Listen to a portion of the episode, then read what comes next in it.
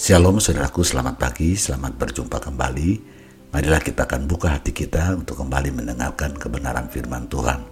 Saya percaya Tuhan telah menyediakan berkat khusus pada pagi ini buat kita sekalian. Haleluya.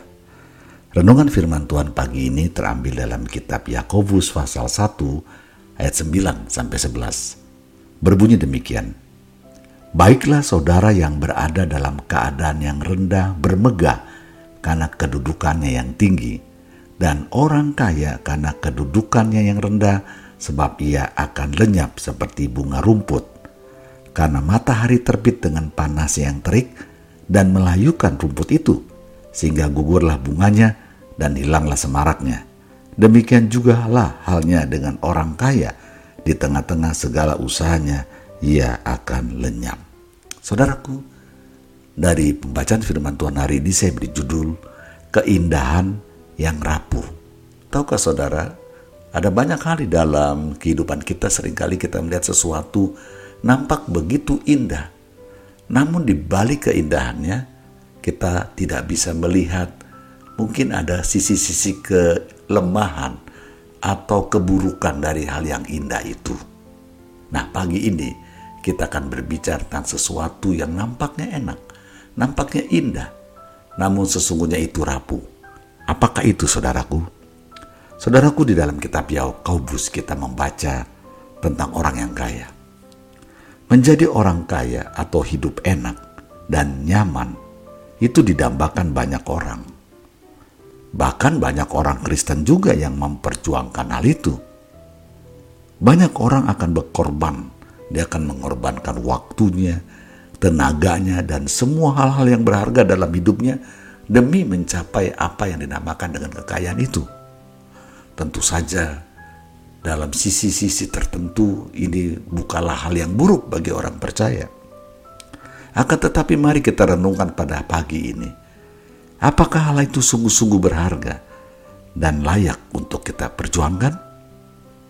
Saudaraku, pagi ini penulis Yakobus menunjukkan bahwa orang kaya itu seperti bunga rumput.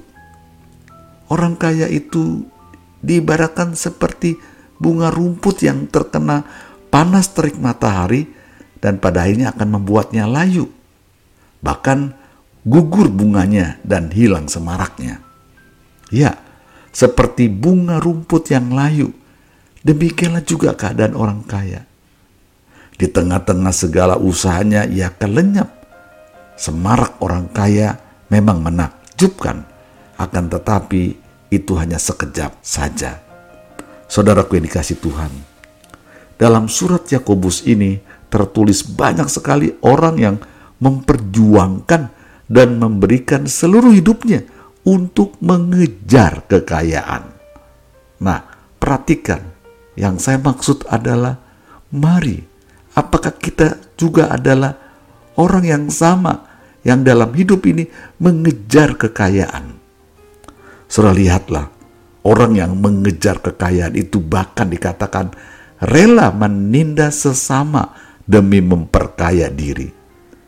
Banyak tuan tanah yang mengeksploitasi orang-orang miskin di seluruh penjuru negeri saat itu.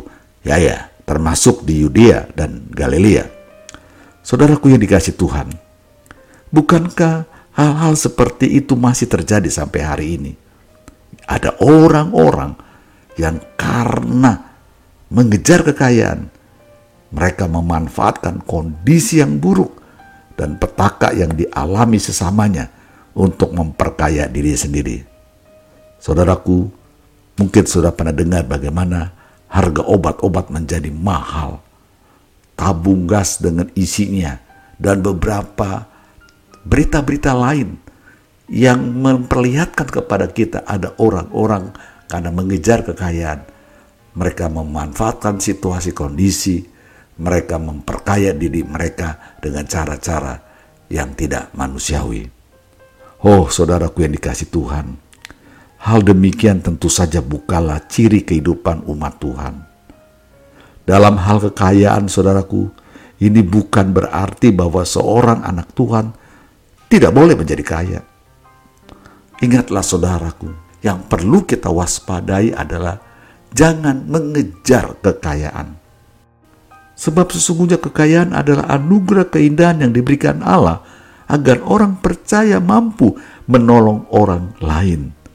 Namun saudara harus diingat, pada saat yang sama, bisa saja anugerah keindahan itu karena sifatnya keindahan yang disebut dengan kekayaan itu adalah rapuh, maka keindahan itu dapat saja satu saat lenyap seketika. Oh haleluya. Pagi ini kita diingatkan untuk sebuah keindahan namun rapuh. Allah tidak menghendaki supaya kita memberikan seluruh hidup kita untuk sesuatu yang rapuh itu. Apalagi sampai kita mengeksploitasi dan menyensarakan sesamanya. Allah hanya mengendaki kita mengelola kekayaan untuk mengurangi kesesaran orang lain. Saudara dan saya diberkati untuk menjadi berkat. Sekali lagi saudaraku ingatlah, kekayaan adalah sesuatu yang indah, namun dia sangat rapuh. Oleh karena itu janganlah sampai kita salah di dalam mengelola kekayaan yang telah Allah limpahkan sebagai sebuah anugerah dalam kehidupan kita.